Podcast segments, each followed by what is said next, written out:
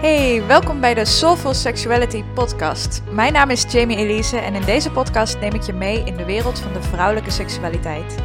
Ik heb zelf 10 jaar last gehad van vaginisme of pijn tijdens het vrijen, maar bevind me nu met regelmaat in de zevende sekshemel. En in deze podcast ontdek je hoe jij hetzelfde kunt bereiken. Want seksueel genot is je geboorterecht en dat hoeft niet gefaked of genegeerd te worden.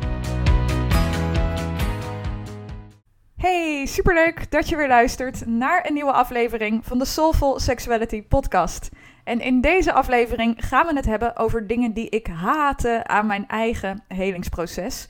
Um, en het idee voor deze aflevering ontstond eigenlijk omdat ik, ja, omdat ik me ineens bedacht dat er best wel wat dingen zijn uh, waar ik een ongelofelijke hekel aan gehad heb. En je op Instagram en op andere plekken eigenlijk altijd van die quotes ziet over dat heling zo mooi kan zijn. En uh, ja, dat zeg ik zelf natuurlijk ook heel vaak. En dat is natuurlijk ook zo. Want je, ja, onderweg leer je ontzettend veel over jezelf. Je ontdekt ontzettend veel nieuwe dingen.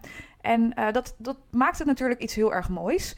Maar dat betekent niet dat het daarnaast niet af en toe ook stront vervelend kan zijn. Dus uh, vandaar deze aflevering. Uh, omdat je dit misschien wel herkent uh, en je je afvraagt of het normaal is dat je je zo voelt. Nou, het antwoord daarop is natuurlijk dat wat je voelt altijd normaal is. wat overigens betekent dat het oké is dat je dit voelt. maar natuurlijk ook weer niet dat wat jij voelt een feit of de waarheid is. Uh, als je je een ongelofelijke mislukkeling voelt, om wat voor reden dan ook, uh, betekent dat natuurlijk niet dat je een mislukkeling bent. Je gevoelens zijn net als je gedachten geen feiten. En nou, als er iets is uh, wat ik me vaak in mijn eigen helingsproces heb gevoeld, dan is het wel een mislukkeling. Alleen al omdat heling je zo vaak dwingt om uit je comfortzone te stappen. En ik er soms heel lang over deed om die stap ook daadwerkelijk te zetten.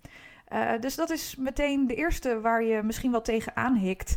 Uh, als je eigenlijk al heel lang de stap naar vaginismeherstel wilt zetten, maar dit niet durft. That's okay. Het is nogal wat. Um, het vervelende is alleen dat je niet kan gaan zitten wachten tot die angst of dat oncomfortabele gevoel verdwijnt. Dat zal nooit gebeuren. Uh, je zal er doorheen moeten. Diep in- en uitademen uh, en gaan, zeg maar. Uh, en vervolgens dus ook super trots op jezelf zijn en je on top of the world voelen, omdat je dit voor jezelf hebt gedaan.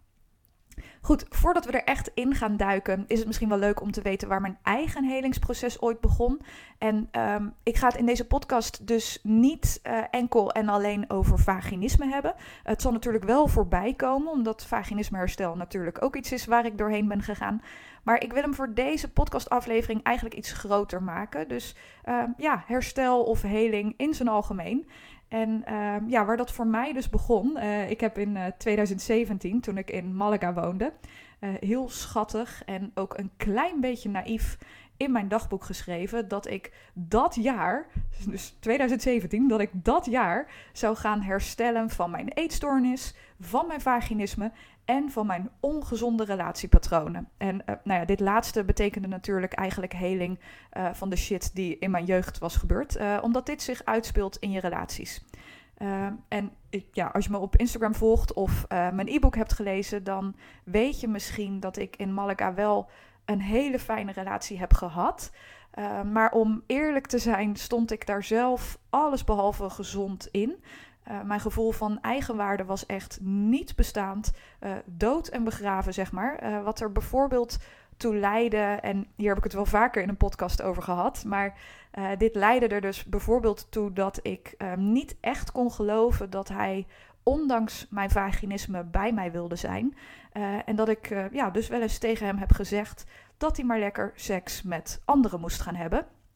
Uh, ook omdat ik absoluut niet thuis was in de wereld van seks is meer dan penetratie. Uh, dus wij hadden gewoon geen seks. En hij wilde het onderwerp nooit aansnijden. Uh, uit angst om mij te kwetsen of, of pijn te doen of, of wat dan ook. Uh, dus ja, wij hadden gewoon geen seks. En we hadden het er gewoon niet over. Het was echt een niet bestaand onderdeel van deze relatie. En ja, we zijn inmiddels ook meer dan vijf jaar uit elkaar. Maar nog steeds goede vrienden. En uh, ik heb het hier twee jaar geleden of zo dus ook wel eens met hem over gehad. Uh, en toen zei hij ook dat het hem heel erg pijn deed dat ik zei dat hij maar seks met anderen moest gaan hebben. dat hij echt zoiets had van: Hallo, hoe kom je erbij dat ik dat wil? En ja, er is natuurlijk niets mis met open relaties of zo, maar dan kom je vanuit een hele andere intentie dan waar ik in dit geval vandaan kwam. En het was ook niet iets waar ik uh, toen per se achter stond. Ik was gewoon doodsbang om hem kwijt te raken. En daarom zei ik van nou, hè, uh, je, mag wel seks hebben met anderen. Prima, doe maar. Want ik kan jou dat ook niet ontnemen. Dat was een beetje waar, waar ik vandaan kwam. En de grote grap is overigens dat ik uiteindelijk wel degene ben geweest die de relatie heeft verbroken. Omdat ik op een gegeven moment inzag dat de manier waarop wij ons leven wilden leiden uh, op de lange termijn niet bij elkaar zou passen.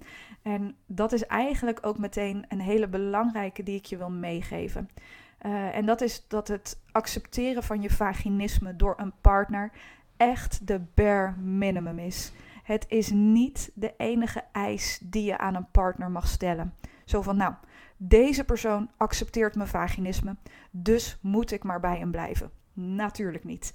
Um, en op dat moment uh, dat ik dus met heel veel pijn in mijn hart die relatie verbrook, had ik dus ineens wel een soort van gevoel van eigenwaarde. En dat laat ook meteen zien dat heling van wat dan ook nooit, nooit, nooit in een rechte lijn gaat. Het gaat een beetje, ik weet niet of je een kleuter wel eens uh, met een kleurpotlood op een vel papier hebt zien krassen. Uh, maar dat is een beetje hoe een helingsproces eruit ziet. Het gaat nooit in een rechte lijn. En uh, deze situatie, dit verbreken van mijn relatie, dat gebeurde bijvoorbeeld ook in 2018. En ik was toen nowhere near waar ik wilde zijn. Maar dus ineens wel zo'n vlaag van eigenliefde. Van hey, deze relatie, uh, dat is niet per se iets wat mij op de lange termijn gelukkig gaat maken. Niet omdat er iets mis is met hem, niet omdat er iets mis is met mij, maar puur omdat onze, ja, onze visie op het leven, de manier waarop wij allebei ons leven wilden leiden, niet bij elkaar paste. En uh, ja, sterker nog, eigenlijk, als ik er nu aan terugdenk, aan uh, eh, 2018, dan heb ik niet eens het gevoel dat mijn helingsproces toen echt was begonnen. Uh, dat begon eigenlijk voor mijn gevoel echt toen ik op 1 januari, heel symbolisch, 1 januari 2019, met mezelf de afspraak maakte dat ik een jaar lang vol voor mijn eetstoornisherstel zou gaan. Um, ik, het, het, was echt al lang al niet meer zo erg als het uh, ja, in het begin van uh, toen ik begin 20 was, zeg maar. Toen was het veel erger als, uh, als toen het in 2019 was. Maar um, ja, ik, ik was nog steeds heel erg. Ik had heel veel regels rondom eten en wat dan ook. En ik zat nog steeds helemaal niet lekker in mijn vel. Dus, nou ja, goed. 1 januari 2019 sprak ik met mezelf af dat ik een jaar lang vol voor mijn eetstoornisherstel zou gaan. En ik had dus ook echt nodig dat ik met mezelf afsprak dat uh, mocht ik aan het eind van dat jaar terug willen naar mijn eetstoornis, dan zou dat mogen. Nu denk ik echt, hè, wat? Maar goed, ik had dat op dat moment nodig. Ik zou er minstens een jaar vol voor gaan. En als ik daarna me toch zou realiseren dat ik gelukkiger was met al die regels en al die restricties en wat dan ook, dat ik uh, terug zou mogen. Nou, dat is natuurlijk niet gebeurd. Hè? Um, daarna is eigenlijk alles gaan rollen. Uh, ook wat betreft mijn vaginisme herstel en uh, heling van de shit die vroeger allemaal is gebeurd. Uh, en ook deze dingen liepen dus door elkaar heen. Het was niet zo van, nou, eerst kwam eetstoornis, daarna kwam vaginisme, daarna kwam heling van dingen die vroeger gebeurd zijn. Uh, nee, het, nogmaals, het gaat niet in een rechte lijn. En oh, daar had ik zo'n hekel aan. De ups en de downs. Maar eigenlijk nog veel meer de onvoorspelbaarheid.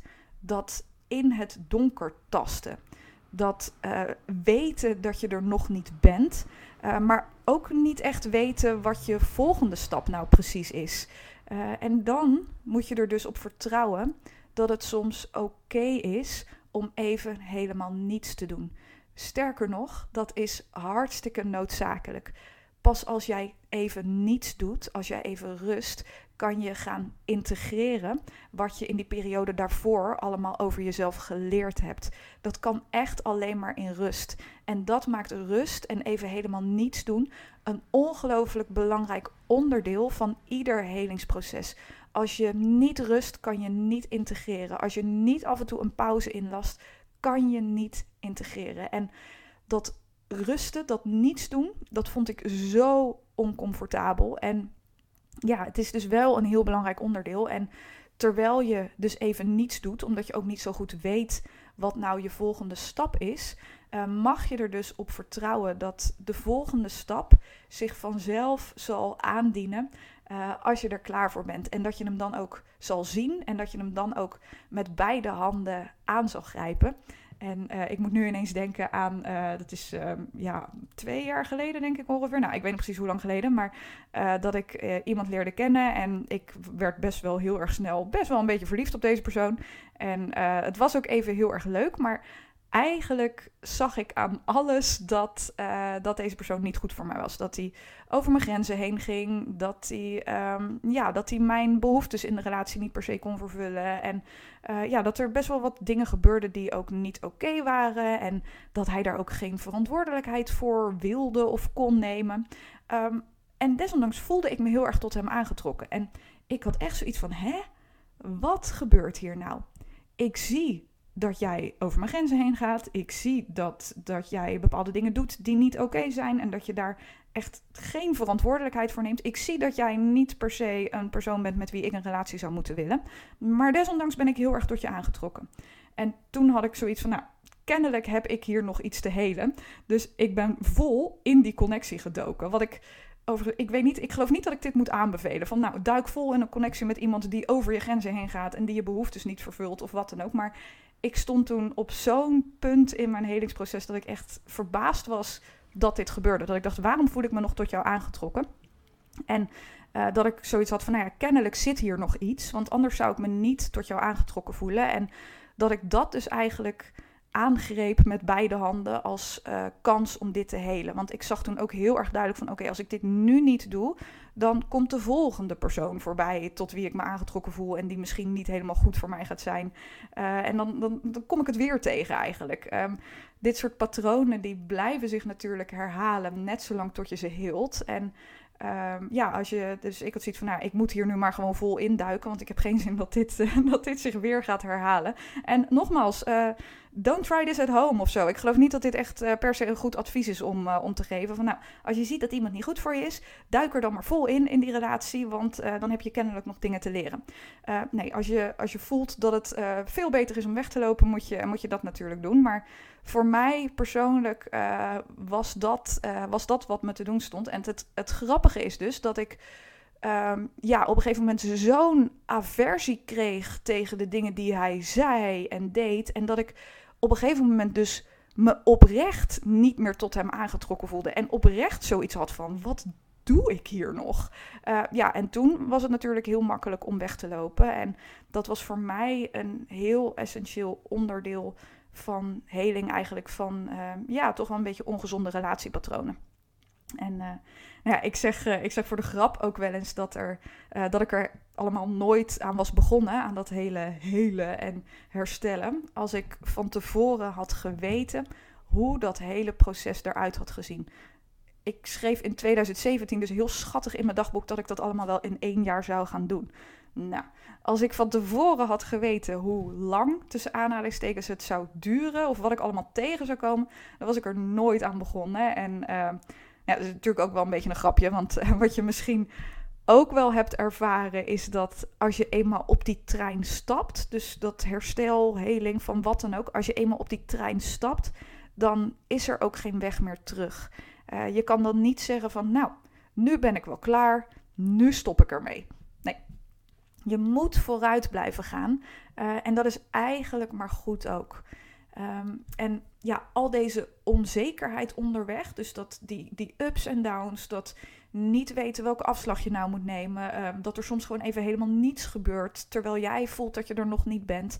Uh, al deze onzekerheid onderweg maakt heling ook meteen een hele mooie oefening in het leren zitten met onzekerheid en met oncomfortabele gevoelens. Uh, want die zijn allemaal gewoon onderdeel van het leven. En ik weet nog dat ik ooit dacht dat heling zou betekenen dat ik me nooit meer slecht of oncomfortabel of wat dan ook zou voelen. Nou, dat is natuurlijk een of andere utopie en dat is natuurlijk niet het geval. Deze dingen, nare gevoelens, oncomfortabele gevoelens, die zijn onderdeel van het leven. En heling gaat eigenlijk gewoon over de manier waarop je daarmee omgaat. Uh, en niet over het voorgoed voorkomen van dit soort gevoelens. Want dat kan niet uh, en dat bestaat niet. Um, en dat ik, een, uh, dat ik een tikkie onrealistische kijk op heling had, blijkt ook uit, ja, blijkt nogal uit iets anders wat ik heel moeilijk kon verkroppen. En dat is dat heling me niet eindelijk perfect zou maken of goed genoeg voor een partner. Uh, en dat is wat ik jou ook echt mee wil geven. Ook nu met vaginisme ben je goed genoeg. Je wilt niet met iemand zijn die jou niet zou accepteren met vaginisme. Uh, ik niet in ieder geval. wat de reden is dat ik het ook nog steeds aan dates vraag of met ze bespreek. Van ja, hoe zou het voor jou zijn als ik daar nu echt nog heel veel last van zou hebben? En uh, nou ja, nou gebeurt uh, dat, dat gesprek gebeurt natuurlijk eigenlijk uh, vrij snel als ze vragen wat voor werk ik doe. Maar um, ik vind het zelf ook echt belangrijk om dit te bespreken. Om te zien wat voor persoon ik nou eigenlijk tegenover me heb zitten. als jij mij niet had gewild of had geaccepteerd met vaginisme, ja, dan hoef ik jou nu niet. en dat betekent natuurlijk niet dat je partner het niet moeilijk mag vinden dat jij vaginisme hebt. Uh, jij vindt het waarschijnlijk ook moeilijk, anders luisterde je niet naar deze podcast. Maar weet je, een relatie kent altijd moeilijkheden. En je wilt een partner die deze samen met jou oplost, als een team. Uh, je wilt iemand die er voor je is en iemand die je steunt. Niet iemand die jou een potje kwalijk gaat zitten nemen dat je iets hebt waar je helemaal niets aan kan doen. Je kan er niets aan doen dat je vaginisme hebt. Uh, misschien wil je vol voor je herstel gaan. Fantastisch. Uh, misschien ook niet. Ook fantastisch. Uh, maar hoe dan ook wil je iemand die jou daarin accepteert en die jou steunt als je besluit om wel vol voor je proces te gaan. Goed, eh, klein zijspoor, maar dat is dus iets wat ik in het begin van mijn herstelproces echt moeilijk te verkroppen vond. Uh, dat heling me niet eindelijk perfect zou maken, omdat zoiets helemaal niet bestaat. En dat ik dus kennelijk, ook met al mijn tekortkomingen, goed genoeg was. Uh, nou, dat vond ik echt heel raar om me te realiseren. En, uh, maar ja, het is eigenlijk maar goed ook dat, uh, dat je met al je tekortkomingen goed genoeg bent. Want die tekortkomingen, die heb ik ook vandaag nog steeds. Ik zeg of doe wel eens dingen waar ik niet trots op ben. ik word nog wel eens getriggerd. ik vind het nog steeds moeilijk om kwetsbaar te zijn en me echt open te stellen en te zeggen wat er echt in me omgaat. En dat is oké.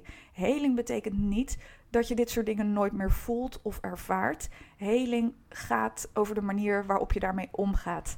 Um, en ja, ik, ik weet ook nog heel goed dat ik zelf in podcasts of uh, van een coach of wie dan ook hoorde dat ik goed genoeg was, puur omdat ik mens was.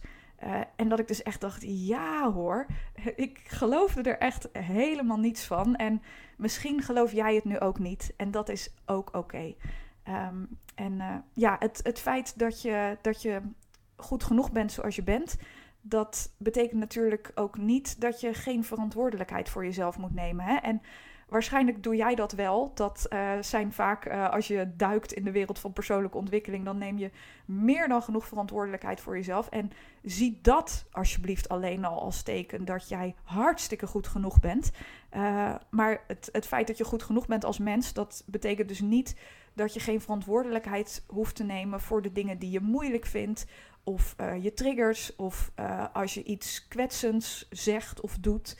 Um, wat belangrijk is, is dat je jezelf niet met de grond gelijk gaat lopen maken, omdat je iets hebt gedaan waar je niet trots op bent. Of uh, dat je misschien iets voelt wat je moeilijk vindt. Of dat je misschien het nog steeds moeilijk vindt om je kwetsbaar op te stellen. Dit soort dingen zijn oké. Je bent een mens en perfectie is onmogelijk. En heling aangaan of een herstelproces aangaan als manier om jezelf eindelijk goed genoeg te maken, is een poging van jouw systeem, dus je onderbewustzijn, zenuwstelsel, jouw systeem, om je veilig te houden voor dingen waar je jezelf helemaal niet veilig voor kan houden.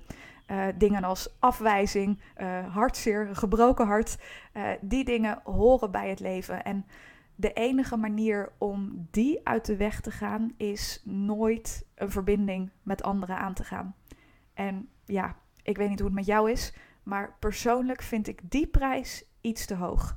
En wat je in plaats daarvan mag doen, is voelen dat de juiste mensen voor jou je zullen nemen zoals je bent. Met al je tekortkomingen. Uh, cliché maar waar. Uh, omdat je deze altijd zult hebben. En wat je ook mag voelen is dat heling je zal leren om met moeilijke gevoelens als afwijzing en hartzeer om te gaan. Omdat je deze nou eenmaal niet kunt vermijden. Uh, nogmaals, heling gaat hem niet uh, over. Heling gaat niet over ervoor zorgen dat je dingen niet meer ervaart of niet meer voelt. Heling gaat over de manier waarop je ermee omgaat. Um, en dat brengt me eigenlijk bij het laatste punt uh, waar ik het nog steeds wel eens moeilijk mee heb. Want ik heb nou geloof ik al honderd keer in deze podcast gezegd dat heling dus gaat over de manier waar je, uh, waarop je met dingen omgaat. En niet per se over het niet meer voelen of ervaren van dingen. En dat betekent dus ook dat heling of herstel geen eindpunt heeft. I'm sorry. Natuurlijk uh, gaat het na verloop van tijd steeds beter en beter en beter. Maar zoals ik net ook al zei, je zal altijd triggers hebben. Je zal altijd fouten, tussen aanhalingstekens, blijven maken. En er zullen altijd dingen zijn die je moeilijk of spannend zal vinden. En dat is oké. Herstel of heling is een oefening. En ergens heb ik daar een gruwelijke hekel aan. Dat ik oefeningen moet blijven doen om me goed te voelen. Dat ik goed voor mezelf moet zorgen. Uh, dat ik de verantwoordelijkheid voor mezelf moet blijven nemen. Wil ik me goed voelen, omdat ik aan het eind van de dag de enige ben die, verantwoordelijkheid, die, die verantwoordelijk is voor mij, die verantwoordelijk is voor hoe ik me voel. Uh, en dat betekent dat ik soms hulp mag zoeken of vragen bij dingen waar ik zelf niet uitkom. Of dat ik hulp mag vragen aan vriendinnen als ik me even kloten voel. Uh, en het betekent soms ook uh, het contact verbreken met mensen die niet goed voor mij zijn, om wat voor reden dan ook. Uh, maar het betekent ook zoiets simpels als regelmatig sporten. Omdat, ja, en ik vind dat zelf ook echt vervelend, maar daar ga je je gewoon echt beter van voelen. Het is allemaal een oefening. Het gaat met vallen en opstaan. er is geen perfectie en het houdt nooit op. Het is een oefening. Vallen en opstaan, blijven doorgaan. Nou, en met die uh, positieve noot uh, zijn we aan het eind gekomen van deze aflevering. Nee, grapje natuurlijk. Um, knoop het alsjeblieft echt nog even goed in je oren. Dat je heelt of herstelt van wat dan ook. Uh, om je eigen leven fijner, beter, leuker en vervullender te maken. Nooit, nooit, nooit om ervoor te zorgen dat jij eindelijk goed genoeg bent. Dat ben je al. En als je dat gaat zien, dat je het dus eigenlijk doet om je eigen leven fijner, beter en leuker te maken, dan wordt het ineens ook oké dat het een oefening is. En dat het waarschijnlijk je hele leven doorgaat. Want je hoeft je leven niet meer on hold te zetten. Ik kan me voorstellen dat als je misschien voelt dat je uh, wilt herstellen van vaginisme, zodat je eindelijk kan gaan daten, dat er ook een soort van druk achter zit. Dat je een soort van haast voelt, omdat je wilt gaan daten. Uh, je kan nu al daten. Echt waar. Uh, je hield om je eigen leven leuker en vervullender te maken. En uh, ja, dan wordt het dus ineens ook uh, minder erg om die oefeningen te blijven doen. De oefeningen die ik net ook bijvoorbeeld noemde. Hè? Dat, dat ik uh, verantwoordelijkheid moet nemen voor mezelf. En dat ik door de dag heen ook kleine dingen doe om me goed te voelen. dat wordt een stuk minder vervelend zodra ik me realiseer dat ik ze doe zodat ik me goed voel. Uh, omdat ik me vervolgens dus ook goed en een stuk beter ga voelen. En dat is de hele reden dat ik het doe. Je doet het voor jezelf, zodat jij je goed, fijner en beter gaat voelen. En uh, dat maakt het allemaal een heel stuk leuker, een heel stuk makkelijker en uh, ook een heel stuk draaglijker. Goed, Dankjewel voor het luisteren. Ik hoop dat dit waardevol voor je was. Um, en ik vind het super leuk om van je te horen. Dat gaat het makkelijkst via Instagram, waar je me kunt vinden onder healingpainful.sex. en vergeet de aflevering ook geen 5-star review te geven. dat zorgt ervoor dat deze podcast bij meer mensen terechtkomen die, die er misschien wat aan hebben. en volgens mij kan dat nu dus ook via Spotify, maar dat kan ik ook zomaar mis hebben. Dus pin me er niet op vast. Goed, voor nu een hele fijne ochtend, middag of avond en heel graag tot een volgende aflevering.